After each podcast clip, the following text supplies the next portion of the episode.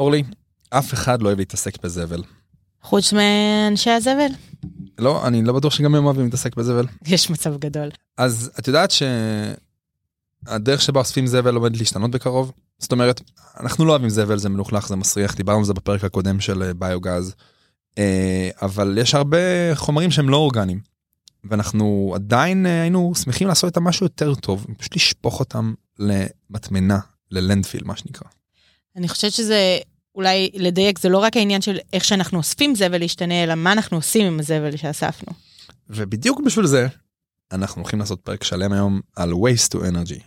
הזמנו לפה את אה, לירן דור ואת אה, שירלי מאור שרמי, אה, שניהם מחברת בוזון אנרגיה, שיש להם פתרון שהולך לשנות את הדרך שבה אנחנו מסתכלים על אשפה. הם הופכים זבל למימן. ועוד כמה דברים טובים בדרך. נכון, וזה טוב כי לא רק כי זה בעצם עוזר לנו לייצר מימן ירוק מחומרים שאחרת היינו קוראים להם אשפה.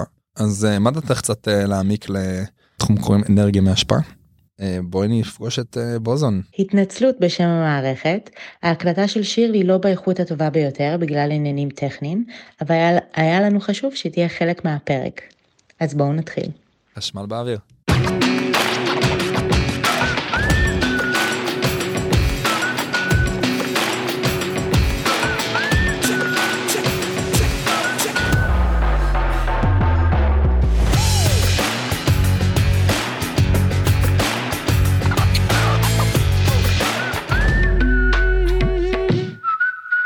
דור, אב לארבעה, גר במודיעין. החלק, החיידק הסביבתי שלי, אני חושב, אה, נכנס בי בימי התיכון, כי היה לי את המזל ללמוד בתיכון לחינוך סביבתי במדרשת בן גוריון, בשדה בוקר. אה, שם התוודעתי לנושא של איכות הסביבה, אה, ולכל הנושא של הכלכלה המעגלית ואיך צריך לנצל משאבים כמה שיותר. ואחר כך נכנסתי לתוך תחום הפסולת. אה, קרוב ל-20 שנה כבר, תחום הפסולת. אה, ובבוסון אני כבר מ-2015, כ-CTO וכ-CEO. ואיך התנהלת לפה? התנהלתי פה בתחבורה ציבורית. אני, יפה. אני מאוד uh, חושש להיכנס לתל אביב. רכבת. רכבת. רכבת. מה בוסון עושה? בוסון אנרגיה היא חברה שהוקמה במטרה בעצם לראות אם אנחנו יכולים לסייע בשחרור צוואר, צוואר הבקבוק העיקרי שאנו רואים במעבר לכלכלת דלת פחמן, שזה התשתיות. אה, תשתיות, לוגיסטיקה. הדרך שלנו לפתור את זה, זה על ידי אה, יצירת אה, מימן, בעצם מפסולת עירונית מוצקה, ועל ידי כך לייצר את האנרגיה שדרושה קרוב למקום שבו בעצם צריך אותה, ולא... אתה בעצם מתאר מצב שבו אני אוכל עכשיו תפוח, משתמש בקופסה של יוגורט, זורק אותה לפח, ובמקום שהיא תגיע להטמנה בדודאים, היא מגיעה אליי בחזרה כדלק. היא מגיעה לך בחזרה בתור אנרגיה, אה, האנרגיה שאנחנו מייצרים אותה בצורה של מימן, ואז מאפשר לנו מגוון אפשרויות של אה, ייצור, שימוש באנרגיה, בין אם זה מימן, תחבורת המימן שמנסים לקדם, או בין אם זה דרך אה, טעינה מהירה של מכוניות בעזרת תאי דלק, אה, או בין אם זה כדלק לאוניות כמתנול, או, או בצורה של אה, אמוניה. אז יש המון דלקים אה, בעצם ופוטנציאל עצום, אנחנו דיברנו על זה הרבה בפודקאסט. בואו רגע נעשה צעד אחורה, מה זה בעצם פסולת לאנרגיה? איך, איך, איך הופכים פסולת לאנרגיה או למימן באופן ספציפי? בוא נגיד שהטכנולוגיה הידועה של, אה, של פסולת לאנרגיה, מה שמשתמשים בה כל השנים, זה בעצם, זה בעצם סוג של אה, כמעט כמו מדורה. לוקחים את הפסולת, זורקים אותה לתוך אה, מתקן שבו יש אה, להבה, הפסולת נשרפת, מייצרת חום, החום, החום משתמש אחר כך לייצור קיטור, וקיטור מזה טורבינת קיטור. שארית שם היא שארית ממש שריפה.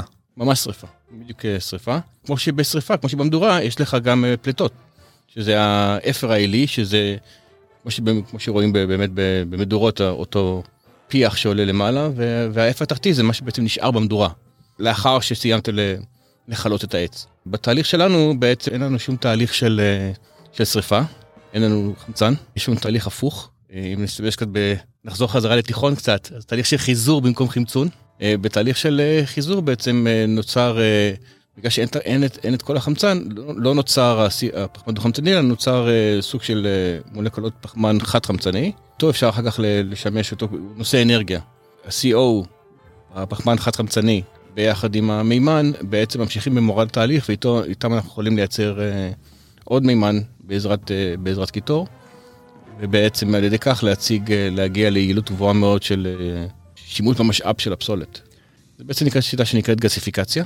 בעצם גסיפיקציה זה מערכת של אה, פירוק אה, החומר בעצם וליצירת אה, גז סינתטי שנקרא סינגז. סינגז זה בעצם גז שיש בו פחמן חד חמצני. CO. CO, רובו ומימן. יש כמובן גם תוצרים נוספים כגון חנקן, ארגון, זה הרוב וגם קצת CO2. ומה מה עושים עם הסינגז הזה? הסינגז יש שימושים אה, רבים ושונים. הש... אה, דבר ראשון אפשר לעשות עם הסינגז זה סירת חשמל, אה, גנרטורים מיוחדים, מערכות בעצם שמכניסים אליהם סינגז מצד אחד, יוצא חשמל מהצד השני. הדרך היעילה והכלכלית ביותר זה בעצם להמשיך את הטיפול בסינגז, כמו שאמרנו בסינגז יש גם מימן, ולייצר ממנו מימן ירוק ונקי מצד אחד, פחמד הוא חמצני ירוק ונקי מצד השני, ומשני החומרים האלה אפשר להמשיך לייצר כימיקלים כגון מתנול, שזה שילוב של שניים, אמוניה, שזה תוספת חנקן, או אוריה. שירלי, אני סמנכ"ל בבוסון אנרגיה. יש לי תואר ראשון בהנדסה סביבתית מהטכניון. היית הסטודנטית הראשונה להנדסה סביבתית. אה, כן, היינו במחזור הראשון, בסמסטר השני התחלתי אה, בחורף, אה, שאף אחד לא ידע מה זה סביבה, מה זה הנדסה סביבה, קראו לנו מהנדסי דשא ואמרות כאלה ואחרות. רגע, אז מה בעצם קורה לזבל שלנו כשהוא יוצא מהבית? אפשר לפרק אותו במספר דרכים או לטפל בו, יש שיטות שונות. השיטה שהיו עושים פעם זה קומפוסט, פשוט אה, לוקחים את החומר, מה שנקרא אורגני, שזה בעצם שאריות אה, מזון, שזה תוצר ממפעל מיון. למה מבקשים מאיתנו להפריד בבתים את האריזות ואת הנייר וכל הדברים האלה, אם יש מקומות שהמכונות יכולות לעשות את זה אוטומטית? ברגע שהפסולת היבשה בעצם מתערבבת יחד עם הפסולת הרטובה, שזה השאריות אה, מזון, קשה יותר להשתמש ב... לבצע מחזור אה, יעיל לאותם, לאותם אלמנטים. Mm-hmm. כלומר, אם לוקחים קרטון או נייר אחרי שהוא נרטב, אין, אין כבר מאוד מאוד קשה לעשות בו שימושים, לעומת זה שהוא יבש ונקי, הרבה יותר קל להשתמש בו לאחר מכן. אוקיי. Okay. שיטה נוספת שנכנסה לאחרונה, אם בעולם, ורוצים להכניס אותה לישראל, זה לפני הקומפוסט לעשות AD, שזה בעצם D זה ה digester ועיכול אנאירובי לתרגום לעברי, שזה בעצם שימוש בחיידקים מסוג אנאירובים, שזה ללא שימוש בחמצן, ללא תוספת חמצן, בעצם מכניסים את כל הפסולת לתוך מכל, שם החיידקים בעצם עושים בצורה טבעית את העבודה ומפרקים את מה שניתן לפירוק ביולוגי וככה נוצר ביוגז. ביוגז זה בעצם פחמן דו-חמצני ומתאן. אז זה נשמע שזה ממש אה, מדבר על הפסולת הרטובה. נכון. זאת אומרת שאריות מזון. נכון, עכשיו מה שיוצא מה-AD זה בעצם דג'סטט, שזה הפסולת הרטובה, כביכול אחרי שהיא עברה את העיכול, כי חלק מהתהליך העיכול זה פירוק גם למים, אז הפסולת רטובה יותר מאשר היא נכנסה. ואת זה צריכים בעצם או להפריד על ידי צנטריפוגה ולהסמיך להוציא את המים, שהחומר שיוצא יהיה יותר מוצק, ואז מעבירים את זה בעצם לתהליך קומפוסטציה, שגם זה תהליך אה, עם חיידקים, תהליך ביולוגי, אבל עם חיידקים אירובים, עם חיידקים שכן זקוקים לחמצן, ולכן מוסיפים חמצן למערכות האלה עם, מפוחים או טכנולוגיות דומות. עולם, עולם שלם שאני לא מודעת אליו, כל עולם הזבל הזה. אין ספק שחלק מהחיידקים האלה אפילו נמצאים בתוך הגוף שלנו. זה, בגדול זה אותם חיידקים. בוא שוב פעם נחזור אחורה. אני בבית הייתי גד... הייתי מסתובב בכל רחובות כפר סבא עם פחים חומים ולימדתי אנשים שצריך להפריד בין פסולת אורגנית רטובה לבין פסולת יבשה. אחר כך הגיע הפח הכתום אמרו לי שצריך למחזר הגיע חוק האריזות, אני צריך למחזר דברים שהם ברור שהם לא אורגניים, לא מתכלים. אה, הכוס קלקר נשארת אה, מיליוני שנים, אמרו לנו, אה, אבל הסבירו לי שחשוב למחזר. אתה יכול רגע להסביר לנו את ההבדל כי זה ממש מבלבל. מתי פסולת היא אורגנית ומתי לא? בתחום הכימיה אגיד שגם פלסטיק הוא אורגני, כאילו פחמן. בוא נגיד שאנחנו לא מדברים על, פס... על אורגני, אנחנו מדברים על האם היא ביולוגית מתכלה או שהיא פוסילית. דהיינו הגיעה מדלק, כמו פלסטיק. יש קושי מסוים במחזור של חומרים כאשר הם לא אחידים. זה אומר ש, שאם אתה רוצה למשל למחזר את הפלסטיק של הגביע קוטג', אתה חייב לדאוג שה, שהגביע קוטג' נקי ברמה מאוד גבוהה, כי אחרת הוא לא יכול להיכנס לתחום המחזור, לתחום המחזור של החזרה לפלסטיק. אה, אם אתה מדבר על היוגורט, חתיכת אלומיניום הקטנה המעצבנת שנשארת בסוף על הגביע פוסלת את, ה, את החומר בעצם משימוש במחזור. אבל למה לא להטמין? מה, מה, מה הבעיה בהטמנה? הבעיה בהטמנה, יש לנו כמה וכמה בעיות עם הטמנה. הבעיה הכי גדולה של הטמנה, אני חושב שזה פשוט אה, מזהם את הקרקע. אה, זה יוצר בעיות סביבתיות מאוד מאוד גדולות. לאחרונה יותר דיברו על הטמנה בנושא של פליטות, פליטות מתאן. גם אם אתה מגיע לאתר הטמנה שבו מצליחים אה, לשאוב את המתאן, זה לא, עדיין אי אפשר לשאוב את כולו, ועדיין יש פליטות מאוד גדולות של מתאן. חוץ מהעובדה שהקרקע, ברגע ש... במיוחד במדינה כמו שלנו, שהיא מדינה קטנה שהולכת ונהיית יותר ויותר צפופה, אה, איפה שיש לך הטמנה, אתה, זה אזור ש... שלא לא תוכל לבנות בו כבר כמה עשרות שנים. השפעה מייצרים, כמו שאמרת קודם, אנרגיה, אה, ואתה תיארת שיטה אחרת. לעשות בעצם בלי תהליך שיש חמצן נוכח, איך קוראים לשיטה הזאת? בעצם התהליך ש, שבו אנחנו עובדים זה תהליך שכמו שאמרנו שנקרא גסיפיקציה בעצם לוקחים את הפסולת אה, ובו תהליך טרמי אנחנו בעצם מגיעים לרמה של אה, ייצור אה, ייצור גז. ספציפי בת, בת, בתהליך שלנו אנחנו הסתכלנו על העובדה שפסולת כל הזמן משתנה. אם דיברנו על הום ביוגז ואחרים שהם, שהם צריכים סוג של פסולת אחידה אתה רואה היום גם בהפרדה של גם במתקני קומפוסט היום שבנו בישראל, התקנה החדשה שנכנסה או עומדת להיכנס, אה, בעצם אה, הולכת להכריח אותם, אה, את המוצר שלהם, את התוצר של הקומפוסט, הם יצטרכו לשלוח חזרה להטמנה, בגלל שאי אפשר לעשות בקרת איכות על המוצר, על הקומפוסט עצמו. ולכן יש גם בעיה לא פשוטה שבו יצטרכו לראות איך, איך מתמודדים הדבר הזה. בתהליך שלנו בעצם באנו ואמרנו, אנחנו יודעים שההשפעה משתנה כל הזמן, ואנחנו יודעים שההשפעה כל הזמן מגיעה. אמ, ולכן בעצם חייבים לתכנן את התהליך בהתאם בצורך הזה. ואצלנו בתהליך בעצם יש את כל רצף הטיפולים בפסולת. מה הכוונה? זה אומר שבעצם פסולת מורכבת מכמה וכמה חלקים. אה, החלק הראשון כמובן זה הרטיבות. כולנו רואים את זה, כולנו מרגישים את הנוזלים בתוך שקית המיץ. כולנו מתבאסים אה, להוציא את ההשפעה כן. למטה כי היא תמיד מלאה בריחות וניחוחות. נכון. אה, זה בעצם עיכול אנרובי, מה שקורה שם כרגע, או עיכול אירובי, זה בעצם הריחות שאתם מריחים. החלק השני זה מה שנקרא נדיפים. נדיפים, בעצם החלק שאם אני צריך אה, לדמות את זה, זה כשלוקחים עץ בגליל, כשהופכים אותו לפחם, מה הם עושים? הם לוקחים אה, בור, סוגרים אותו בתוך, סוגרים, עוטפים אותו, מחממים בחוץ, אה, ופתאום כשמורידים את הירייה, נשארים רק עם, עם פחם. החלק הזה שהתנדף נקרא נדיפים, כשמו כן הוא. החלק השלישי זה אותו פחם. אז בעצם הפחם השחור במנגלים של כולנו זה עץ רגיל שעבר חימום עד שנעלמו כל הנדיפים שלו? נכון. נקרא, בשפה המקצועית נקרא פחמן מקובע בעצם, כי הוא לא משתחרר, כי הוא לא נדיף. והחלק הרביעי זה אפר. עכשיו, לכל פסולת, לא משנה מה, יש את ארבעת החלקים האלה. גם, גם לפסולת, גם אם זה פסולת אה, אורגנית, רכובית, גם אם זה פסולת אה, פלסטיק, כל סוג של פסולת שהוא, יש את, יש את הארבעה מרכיבים האלה. מתוך ההבנה הזאתי, בעצם בנינו את התהליך, את התהליך שלנו. כי כל אחד מהחלק, מארבעת הפרקציות האלה של הפסולת, צריכים, צריכים טמפרטורה אחרת לטיפול.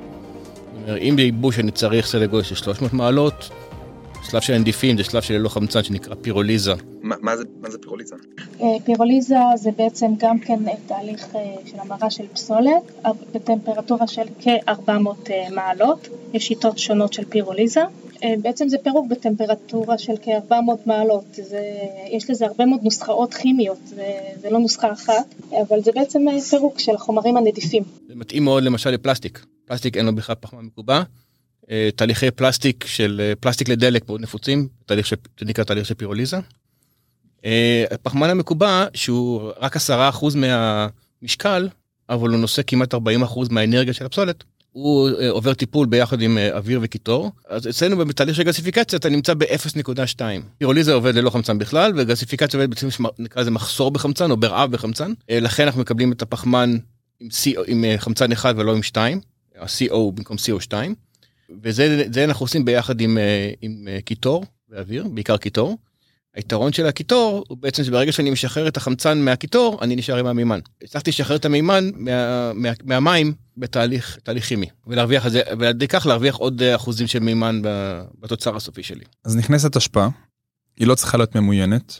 נכון. כי היא בעצם אתה כל התהליך שלך יודע להתמודד עם כל סוג של ארבעת השכבות שתיארת. עוברת כמה תהליכים שונים, מתייבשת, עוברת פירוליזה, עוברת גזיפיקציה. הכל באותו מתקן? הכל באותו, הכל באותו ריאקטור. אה, כאשר השארית בסוף אה, נשארת בעצם עם החומר, החומר האינרטי, המינרלים, המתכות למיניהם, בעצם עוברים תהליך של, אה, אין מילה אחרת בעברית כמו להגיד זיגוג. אני ראיתי, זה בעצם סוג של סלע כזה שחור, שהוא מאוד קשיח ואפשר לעשות איתו, בעיקר להפוך אותו לפסלים סביבתיים יפים. פסלים סביבתיים יפים, חומרי בנייה, חומרי תשתית לכבישים. אה, חברות תמרוקים ביקשו את זה בשביל אה, להחליף את הבקבוקים שלהם בשביל אה, להיראות שהם גם כן ירוקים כן אז בעצם הגז שיוצא מהריאקטור הוא בעצם מימן ופחמן חד חמצני. הפחמן החד חמצני אני מגיב בהמשך התהליך שוב פעם עם קיטור בתהליך נוסף. תהליך זיקוק שהוא תהליך ידוע שרץ כבר למעלה מ-100 שנה. ועל ידי ו... וככה מקבל עוד עוד מימן חופשי בעצם. דרך, דרך לשחרר את המימן מהמים. בסוף רוב המימן בעולם שמגיע מהתהליכים מגיע בצורה זו או אחרת ממים. השאלה היא רק איך אתה משחרר אותו מהמים. אה, באלקטרוליזה אתה עושה את זה עם חשמל, בתהליכים של מימן אפור מה שנקרא, אתה לוקח גז טבעי ביחד עם קיטור, ובמקרה שלנו אנחנו עושים, לוקחים את, ה, את ה, אותם הידרוקרבונים ומגיבים אותו עם קיטור ומייצרים אה, את המימן וה-CO2. אה, כאשר אה, חלק מה, מהיופי בעניין של, של התהליך שלנו עם, ה, עם הרטיבות של הפסולת הוא שאם במשרפה הם לא אוהבים פסולת רטובה. כי זה פוגע להם במאזן אנרגיה כי צריך, הם צריכים לייבש וזה מפריע להם לאנרגיה. אצלנו הטיבות של הפסולת בעצם הופכת את הקיטור שאיתו אני משתמש לייצור המימן. אז אני משתמש במים שבתוך הפסולת בעצם לייצור המימן במקום לדרוש עוד מים, עוד מים נוספים. בעצם מתקן מה הגודל שלו הפיזי? המתקן עצמו הוא סדר גודל של 2,000 אה, מטר מרובע, אבל אתה צריך תמיד אזור אה, לוגיסטי, זה פסולת, ומסביב אנחנו מדברים על בין 4,000 ל-5,000 אה, מטר רבוע למתקן. ואז שמסוגל לטפל בהשפעה של עיר קטנה. זה עיר, עיר קטנה סדר גודל, זה תלוי, ב, זה תלוי ב, בסוג העיר. כמו כל דבר, פסולת היא פונקציה של סוציו-אקונומי ואתני. אה, יש מקומות שאתה תקבל אה, טון כאילו ליום לבן אדם, יש, יש מקומות שאתה תעשה ארבע וחצי כאילו ליום לבן אדם. מאוד תלוי במצב האתני של ה... במצב הסוציו-אקונומי של העיר.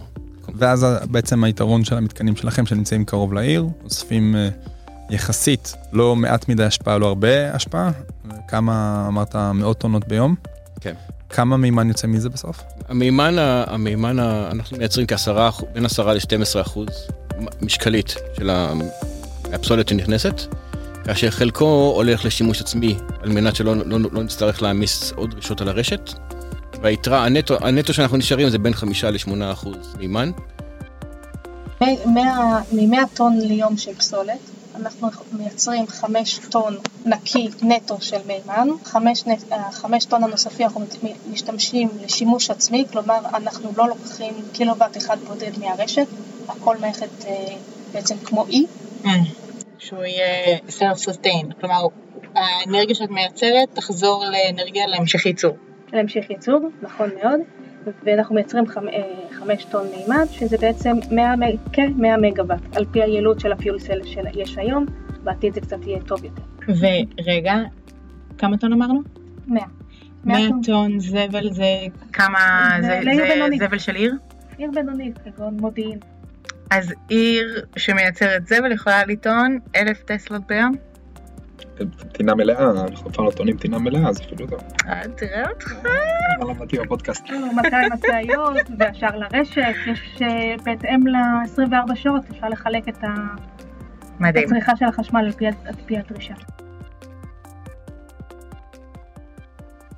אמ, ואתם יש לכם עוד תוצרים חוץ ממימן? יש לנו גם פחמן דו-חמצני, שאותו אנחנו תופסים, הוא מוגדר לפי הדירקטיבה האירופאית החדשה היום, ה-RAD 2, וגם אחר כך ה-RAD 3, גם מימן וגם הפחמן דו-חמצני בעצם מוגדרים בתור מתחדשים. פחמן דו-חמצני מתחדש. כן, חלק, מה, חלק מהמצב הביולוגי. זה שבקרוב יאסרו גם את זה לפליטה, אבל כרגע זה מותר עדיין לחרור לאטמוספירה כחלק מהמעגל, אבל את הפחמן דו-חמצני אנחנו בעצם מוכרים כחומר, בין אם זה לייצור, כמו שאמרתי, דלקים, דלקים מתקדמים כמו מתנול, ובין אם זה לשימוש בתעשיית השתייה, או תעשיית הבנייה, יש גם עניין של CO2 שצריך אותו להובלה של בשר וירקות, הוא, הוא עדיף על שר חנקן, ייצור בקטריות ו... ויש עוד, עוד כמה וכמה שימושים. אני, אני לא יכול להסתיר את זה שאני חושב שזה סוג של קסם. אתה מכניס השפעה ויוצא לך אנרגיה, ואני לא מצליח להבין למה אין מת, עשרות מתקנים כאלה או, או מיליוני מתקנים כאלה בכל העולם, וספציפית בישראל. איפה אנחנו עומדים בישראל מבחינת בכלל תפיסה של waste to energy, ו, ומה מונע מהטכנולוגיות האלה לשלוט בכל העולם?